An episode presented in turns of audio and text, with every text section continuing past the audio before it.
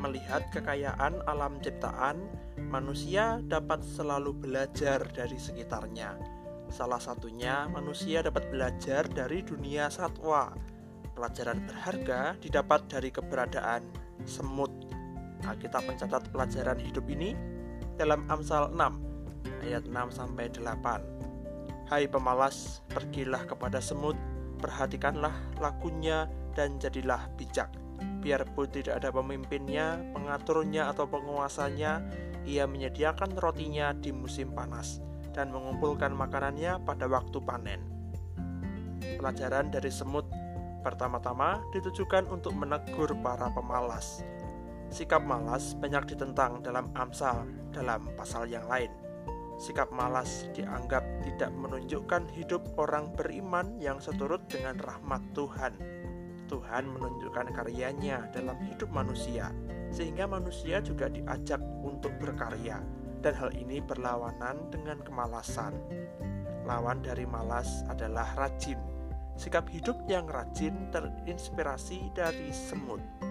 Semut selalu bergerak dengan barisan yang terlihat rapi. Mereka memungut banyak sisa makanan dan material organik, lalu dibawa ke sarang mereka para semut selalu menyediakan makanannya dan tidak terlihat berhenti untuk tidak bekerja. Hal ini menginspirasi manusia untuk melihat tindakan yang rajin dari para semut. Sikap rajin diidentikan dengan hidup yang tidak kenal lelah. Tentu bukan berarti sama sekali tidak capek, tetapi memiliki semangat juang hidup yang tinggi sehingga banyak hal mampu dikerjakan dan diraih. Hidup yang rajin dapat menghasilkan banyak pencapaian. Hasil minimal yang terjadi adalah terpeliharanya kehidupan orang yang rajin, karena ibarat semut-semut tadi, orang yang rajin akan menjamin persediaan kebutuhan hidupnya. Hidup seperti ini seturut dengan pemeliharaan Tuhan.